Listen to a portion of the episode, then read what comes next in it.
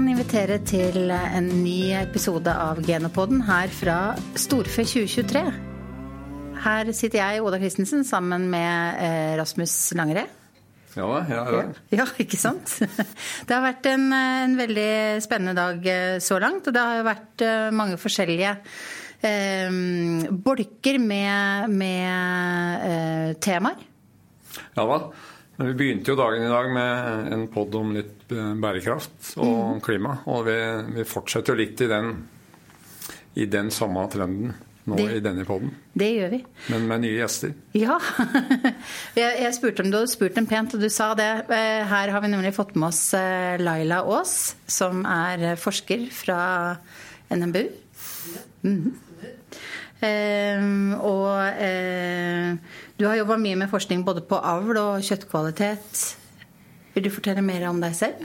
Eh, ja, jeg har jobbet med avl og kjøttkvalitet over lengre tid. Jeg tok doktorgraden min på det temaet, storfeavl, og har jo jobbet sammen med, samarbeidet med Geno egentlig siden da. Siden, ja, siden jeg jobbet med doktorgradsarbeidet mitt.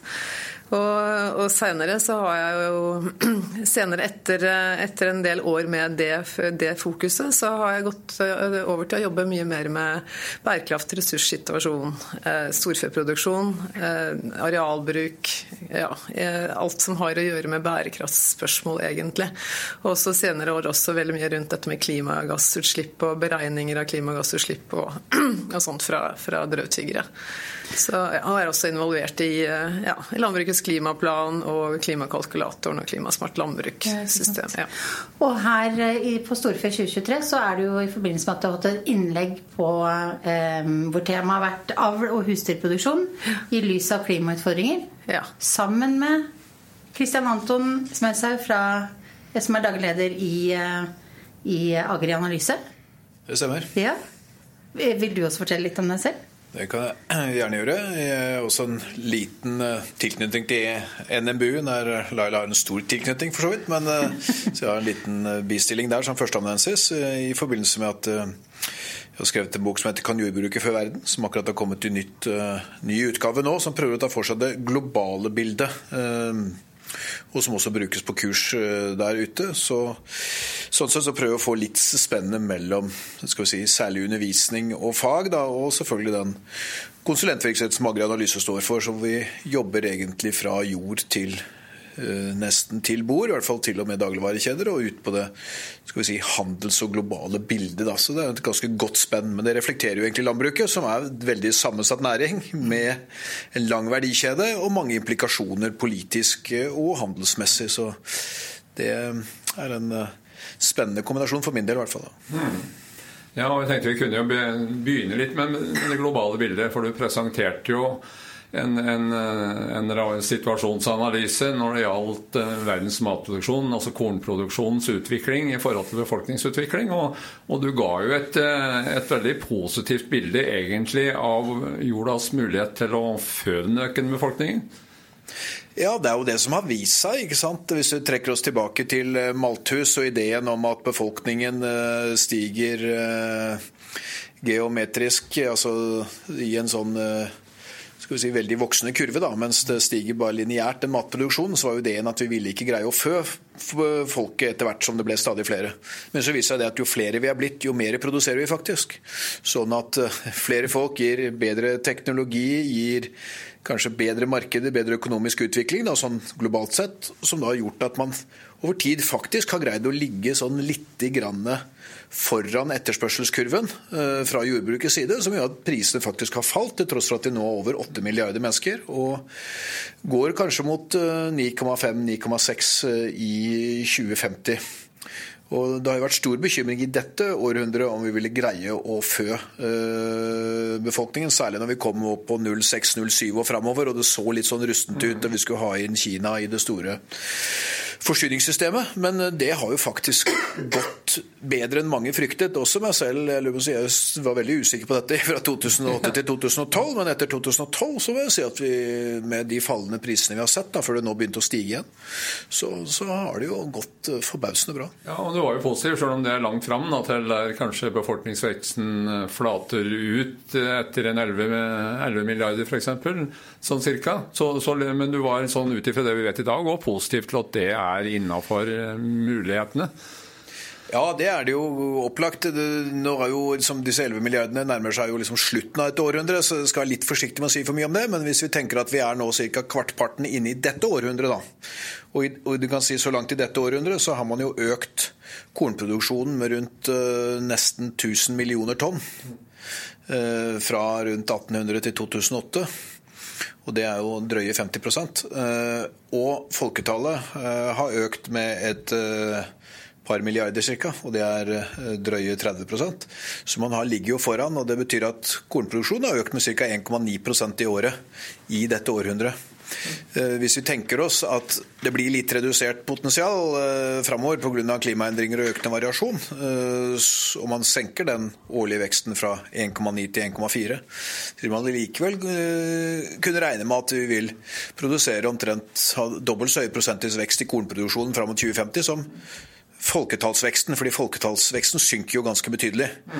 Og, så, så, dette ser liksom, skal vi si, lovende ut mot midten av dette århundret. Skal vi si at mot de neste 50 årene der skal vi være litt forsiktige med, men uh, vi føler vi kan se 25 år tilbake og vi kan se 25 år fram nå. Vi står på et sånt krysningspunkt som jeg syns er litt interessant å dvele litt ved. og gjøre noen vurderinger. Og så betyr jo dette at dette er et globalt bilde. Det betyr jo ikke at dette ser likt ut i hele verden osv. Mm. Nei, for, for Laila, hvis vi da går over på det nasjonale eh, planet, så der eh, går jo ikke selvforsyningen opp. Altså befolkningen øker, men eh, matproduksjonen øker ikke i takt med det. Nei, matproduksjonen øker jo ikke. Det var det jeg prøvde å vise også, at både melkeproduksjonen, eller volumet der, og volumet av storfekjøtt har jo stått konstant i nokså mange år nå. Og vi har jo hatt en økende import av både melke, meieriprodukter og, og storfekjøtt hele perioden. Eh, det som er en av mine store bekymringer, er den store befolkningsveksten som vi har i Norge, og som det snakkes veldig lite om. Eh, og jeg tenker jo at i en framtid hvor det kan bli vanskeligere å produsere mat, eh, så, så kan vi få et problem med å, å, faktisk kunne fø såpass mange mennesker. Og, og, og, jeg er litt opptatt av å problematisere akkurat det med befolkningsveksten. Da. Nå er det jo også sånn at i forhold til det Kristian Anton sier, så er det jo det jeg tenker er det mest uforutsigbare uforutsigbare er jo dette med klimaendringene. Hvor fort de kommer. Eh, og det har jo vært signaler nå eh, det, Ting tyder jo på at det kommer stadig mer ekstremvær, og kanskje raskere også enn det vi har trodd. da.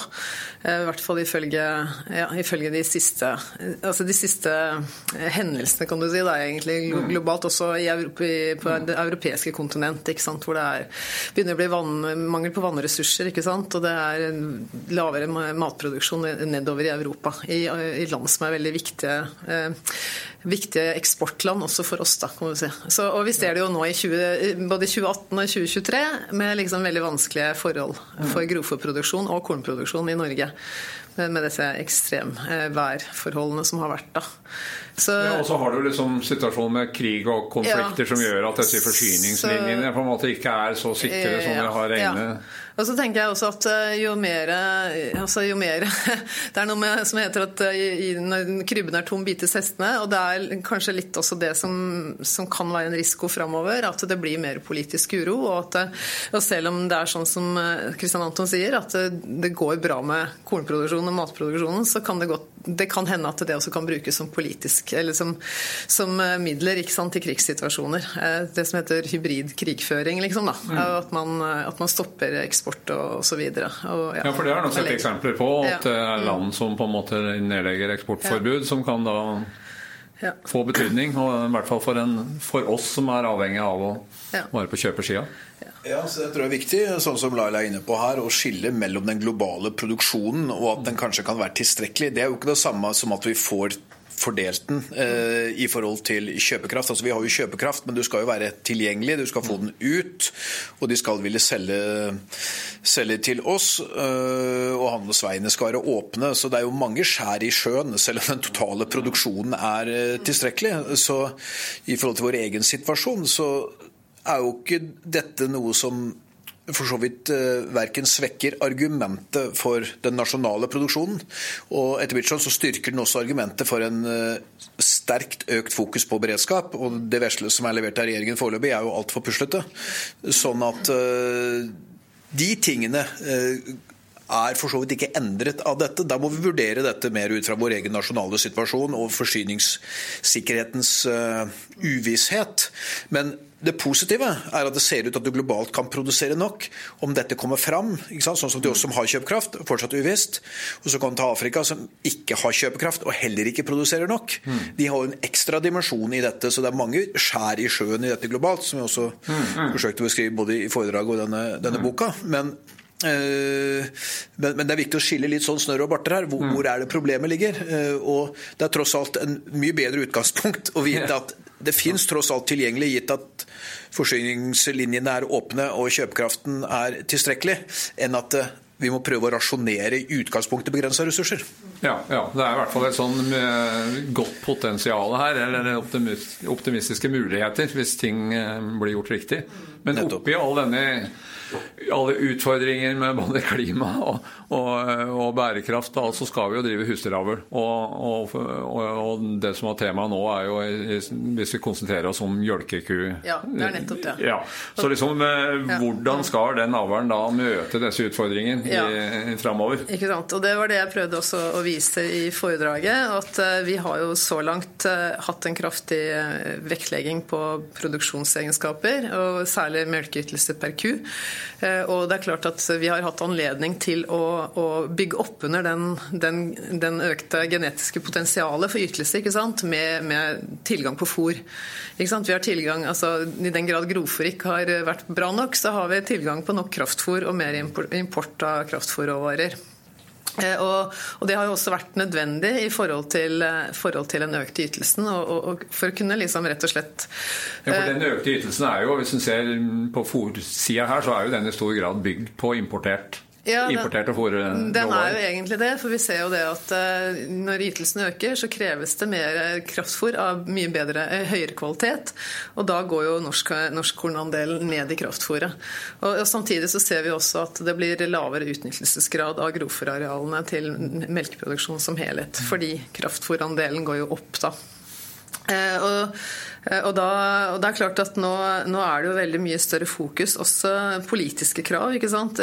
For, altså, mer, altså, vi kan forvente at det kommer, da, politiske krav om høyere selvforsyningsgrad, mm. mer beredskap.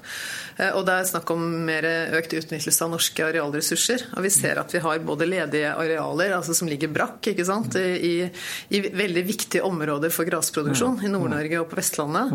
Eh, og, og, det er der også stor del av, melkekuproduksjonen har, har, blitt avviklet ikke sant? og redusert antall melkekyr, som vi har sett eh, gjennom de siste 30 årene. Så, så her er det, så det, det, viser egentlig bare at avlsarbeidet har vært et veldig sånn kraftig redskap i å endre på en måte, endre på en måte strukturen i, i, i storfeproduksjonen eller i melkeproduksjonen. Mm. Og kanskje enda mer enn det man har trodd. Mm. Og nå, nå, kan man jo se også at eh, disse variable, disse årene med ekstremvær og sånn nå har jo gitt veldig dårlige grovfòravlinger, lavere kvalitet. Og det må vi kanskje forvente at kommer videre, eh, kommer senere også. Og da, og da er det spørsmål om klarer vi faktisk å, å, å å, å, tilby det gode genetiske potensialet som melkekua har, klarer vi liksom å få det uttrykt i den fenotypen mm. som da vi treffer i kua i fjøset. Ja, Det skal vi gå litt mer inn på, men jeg tenkte bare først hvis jeg nevnte noe, så her er nye kravene om altså økt selvforsyning, mer gras, økt beite, bruk av utmarksressurser. Det gir jo veldig muligheter for drøvtyggeren i det framtidige matsystemet. Så jeg tenkte samtidig at en ser muligheter og ikke bare problemer. Mm. Absolutt. Eh, og det vil jo også, Dette er jo en av de kanskje tre hovedtiltakene vi kan ha for å øke selvforsyningen. Eh, I tillegg til eh, å øke norskandelen på grønt og potet og få opp matkornandelen i matmelet, så er det jo å få første er det å få høyere grovfòrandel hos melkekua. Og så vil det jo også være hvis du hadde spist mer drøvtygge kjøtt. ikke sant? Og Der ligger man jo og stanger mot, uh, mot, mot grensene. Så det er jo ingen tvil om at det er våre fremste ressurser. Og Da er det vel egentlig to ting. En ting er selvfølgelig beitebruken. og Kanskje man skulle begynt å tenke på å digitalisere utmarka, sånn at man fikk en mye mer effektiv og presis bruk av, eh, av beitene og bedre oversikt over dyra, og kanskje kunne styre dem bedre. Da, da er jo Nofence inne. Og Det andre er jo selvfølgelig hele den bedre grovfòrproblematikken. Hvordan dyrke bedre grovfòr som har en høyere proteinprosent og dermed trenger mindre utenlandsk eh, kraftfòrråvare, men også mindre kraftfòr totalt sett. ikke sant? Så det er jo vinn-vinn-vinn. Og vi har jo et kulturlandskap som gror igjen. og Det er jo liksom, det, det svarer jo ut på alle punktene. ikke sant? Og så har man en klimadebatt der oppå dette, men den må vi bare se på som en del av denne helheten, og så må det vurderes inn totalt. Man kan ikke la én faktor trumfe en sånn totalitet som landbruk er. da. Ja, for Det er jo for, altså det er gjort foringsforsøk som vet jo at det er jo et ganske stort potensial til produksjon av mye mjølk, både mjølk og storfekjøtt på veldig lite kraftfôr, hvis forutsatt at grovfôret er av bra kvalitet. Forutsatt at grovfôret ja. er bra kvalitet. Og det vil det også være enkelte år, ikke sant? når, ja, ja. værforholdene er normale. Mm. Men hvis man tenker seg, tenker seg, et større perspektiv og litt over år og litt ja, Kanskje at det, det, er ikke sikkert at vi klarer å få til det grovfôret like bra hvert år. ikke sant? Og heller ikke de ulike regionene. sånn at det er noen regioner som kanskje vil klare det, men, men så har du flere regioner som vil være utsatt for en eller annen type ekstremvær, og hvor du får dårlig grovfòrkvalitet. Og hvis du da ser på totalen, da, for mm. total, den hele produksjonen, så, så, så vil det kunne være sånn at du og, da kan det være nødvendig å endre litt på, ja. på alderen. Og du snakker jo litt om, om det kan være nye egenskaper som kommer inn for å møte disse framtidige utfordringene. Ja, og det, og det, går jo ikke bare på grovfòrkvaliteten. Altså, det er klart at når du har en veldig høy vektlegging på én egenskap, hvis du klarer å redusere den vektleggingen, så kan du legge større vekt, vekt på andre egenskaper.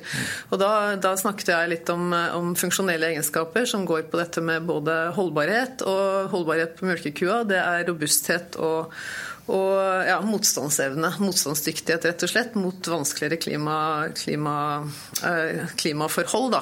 Eh, og jeg prøvde også å eh, fremme dette her med varmestress f.eks., som vil kunne komme. ikke sant? Altså, Grovfòrproduksjon er jo en beitebasert altså det er en beitebasert produksjon, også for melkekua og for ammekua. Og det er klart at Både høye, veldig høye sommertemperaturer eksempel, kan føre til varmestress, lavere fôropptak, redusert produksjon. Eh, og det, også, det, er også risiko for økte sykdommer. Altså sykdommer ja, For det kan påvirke immunsystemet, på en måte, så du blir mer følsom for, for, infeksjoner eller andre typer ja, sykdommer? Ja, f.eks. fruktbarhet. Da. det er jo også vist at eh, med veldig høye eller kraftige temperaturer, eller høye temperaturer, så, så, så sliter, eh, nå sliter nok ikke storfe så mye som det f.eks. svin vil gjøre med for høye temperaturer, men, men det vil være veldig klare effekter av av varmestress på helse. Da. Ja.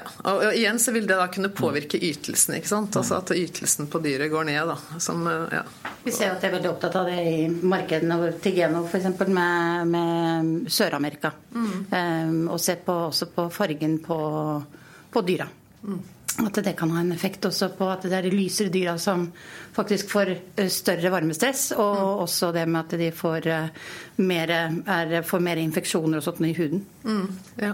ja. og det er sånn overførbart av parasitter ikke sant? og flere insekter som, som har sånne ja, vektorer for sykdoms, altså bærere av sykdommer, da, som mm. pustesykdommer. Og mens du før har på en måte tilpasset på en måte miljøet til genotypen, så har, har, du vært litt inne på at vi kanskje må snu litt på flisa der? Så. Ja, rett og slett tilpasse genotypen ja. litt mer til det miljø, de miljøendringene vi ser. Og hvor holdbarhet og robusthet også sannsynligvis blir veldig viktig. Og det har jo også vært skrevet om i, i eh, buskap. Eh, Bjørg Heringstad var jo, ja, var på et ICAR-møte ja. hvor det var en flere dagers møte hvor man nesten nettopp diskuterte diskuterte dette med økt robusthet mm. i produksjonen. Mm. Så, det er ikke, det er, ja, så det er absolutt eh, på dagsorden, vil jeg si. I økende grad. Mm. mm. En liten kommentar til økt eh, robusthet. altså Nå har vi diskutert avlen, men mm. litt tilbake til beredskap. altså Vi, vi trenger beredskap på korn, kanskje fòrkorn, kanskje proteinandelen, Eh, og kanskje på eh, grønnsakfrø som er effektive, altså stivelsesrike. type mm knoller, eh, selleri, kålrot, gulrot eh, osv. Men fôrlager for husdyr òg. Mm. Det er nok kanskje litt undervurdert, for man er ofte ganske short når man går inn i neste sesong. Mm. Og én ting er at man kan få nok fôr i løpet av en sesong, men kvaliteten kan også bli for lav. Så det å på en måte hvis, hvis man kan greie å overlagre god, godt grasfôr fra sesong til sesong, at man har litt å gå på når man går inn i neste, det er jo typisk et litt sånn undervurdert felt. Men det betyr jo også det at hvis du har én plansilo, så bør du kanskje ha to. da. Og Hvis du trenger 500 rundballer, så bør du kanskje prøve å skaffe seg 700. ikke sant? Så man har litt overlagring, og da sjekker grovfòrkvaliteten her og er veldig nøye på det å prøve å få overlagra noe som er godt også, i tilfelle neste år blir dårlig. Og I og med at vi nå har hatt dette ekstremåret i år, så er det ikke så lenge siden vi hadde tørkeår i 2018 heller. Som også setter dette i, som også har egentlig samme svar. og da skal det være en svensk bonde som ble intervjuet, som, hadde, som siterte den han kjøpte gården av, da, eh, kanskje på 70-tallet eller sånt. Noe. Han sa da at du skal ha tre avlinger. Du skal ha én i lådan, én i plånboken og én på marken. og Det er lett å si, selvfølgelig, men altså, det ligger noe i det. ikke sant? Altså, hvis du skal ha resiliens her, mm. så må, du, må vi antagelig begynne å være tøffere på grovfòrlageret også, for det vil jo bli en del av nøkkelen. Og så tenk på en ting, altså nå, I forhold til styring av produksjonen, når det gjelder altså kønneproduksjon, så er jo den, der er det opp til hver og en. på en måte, og når det gjelder fòrkønnene, så er det jo ikke noen premiering av, av kvalitet. Altså, som, vi har jo noe potensial der, har vi ikke det, som kunne utnyttes til å både styre produksjonen og, og heve kvaliteten, f.eks. proteininnholdet. Det har vært snakk om det på Forbygg, at man burde hatt en proteinbetaling ja. Eh, der. og Det virker jo for så vidt uh, rimelig. Man har jo kvalitetsbetalinger. Det er jo liksom mer sånn don på havre og unngå sopp og andre ting. Men, uh, men, den proteinandelen i bygg, samtidig som den er jo litt sånn parallell til proteinandelen i grovfôr. For nettopp å liksom få økt fokus på det. Så hvis man hadde fått økt fokus på det, og så kunne man i parentes da, hadde man også tatt, kunne brukt kjøttbeinmjøl igjen inn i fôret, så ville jo det også økt eh, norskandelen. Og så ligger det en del hypotetiske proteinkilder framme her, men det har vært ganske mange hypotetiske proteinkilder framme de siste 10-15 årene, og de virker fortsatt hypotetiske. Mm. Eh, så, så, så, jeg tror vi må liksom holde oss til, til realismen der. Men de tingene er i hvert fall eh, det er vel der en god del av potensialet ligger, tror jeg, sammen med økt fòrlager. Jeg tror ikke en skal undervurdere det siste heller. Altså det Buffer eh, hele veien, innkjøpskompetanse, lager, lagerstrukturer på sentrale innsatsfaktorer, så blir det nok antagelig viktigere med økende svingninger. Mm. Ja, Oda? Ja, dette var veldig interessant. Tiden går fort. Tiden går fort. Vi pleier jo å avslutte med at vi har um, muligheten til å um, spørre våre gjester om et uh, godt råd. Mm. Så kanskje vi kan gjøre det her også? Ja. ja.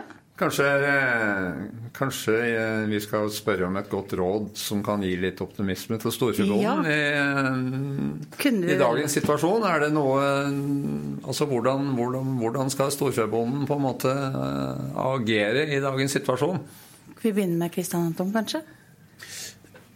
Ja, det er jo lett å komme med. Man kan jo si mye litt sånn overordnet. Men, men hvis vi drar oss tilbake da, til den perioden vi hadde sånn 2000 og 8 til 12-13, så var det jo en relativt høyprisperiode òg. Da var det jo egentlig hovedbudskapet at hvis du har størst mulig kontroll på innsatsfaktorene dine, ikke sant? altså satt på spissen, da, sånn type solceller på taket, størst mulig fòrlager, størst mulig egen grovfòrproduksjon, og eh, god på, på, gjødsling, gode gjødsellagre, at man, man var god på hvordan man optimaliserte innkjøp, og, veldig, og prøvde å optimalisere sin egen, uh, sin egen um, kontroll på innkjøpssida. Et annet eksempel vil jo for være å ha biobasert oppvarming. For du egentlig, når du først har bygd det, så er det jo du som sitter med hele liksom innsatsstrukturen. Eh, og Det var jo veldig fokus på en periode. og Så gikk, datt jo prisene på alt igjen, ikke sant? og så falt dette litt bort. Men jo mer du har kontroll på av den ressurssirkulasjonen internt, eh, jo bedre tror jeg det blir eh, over tid. Da. Så Det er vel det jeg syns disse to syklusene har vist oss. Mm. Laila? Ja. jeg sitter her og tenker, og jeg syns det er vanskelig å gi et veldig konkret faglig råd til storforbonden. Eh, men, eh, Men, eh, så jeg vet ikke om jeg rett og slett bare skal si, eh, si noe helt annet. Og det er at eh, jeg vil bare oppfordre storfebonden til å være stolt av sin egen produksjon. Og også tenke på at Norge er som skapt for drøvtyggerproduksjon. Rett og slett altså jordbruksarealene våre. eller jo. Landarealene våre er som skapt for det, og, og prøv å holde motet oppe. og, og, og, håpe at uh, dette her altså, At i hvert fall det som er negativt press mot eh, mm. næringa nå, at det etter hvert uh, vil dunste bort når, realitets, mm. når, realitetsforståelsen synker litt mer inn hos befolkningen, jo. og også hos de som er mest negative til næringa i debatten. Mm. Nei, men det er positivt, for vi, vi er vel alle enige om at rødtryggeren har en sentral rolle i, ja, i framtidig matsystemet i Norge og holde fast ved det selv om kritikken hagler. Ja, prøve å holde fast ved det. Så det tror jeg er bedre enn å komme med ett faglig råd for det. Ja. Men jeg syns det var en veldig fin eh, pepping eh, der på slutten. Eh, vi sier tusen, tusen takk for at dere tok dere tid inn i vårt podkaststudio her på Gardermoen. Ehm, og denne podden hører du selvfølgelig på alle steder som du finner eh, podkaster ellers. Og du kan også finne lenken på geno.no og på sosiale medier eh, inne hos eh, oss i Geno. Da, Rasmus? Ja, da sier jeg bare takk. Takk tusen, for nå. Ja, tusen takk. Hyggelig å få komme. Hyggelig å få komme, ja.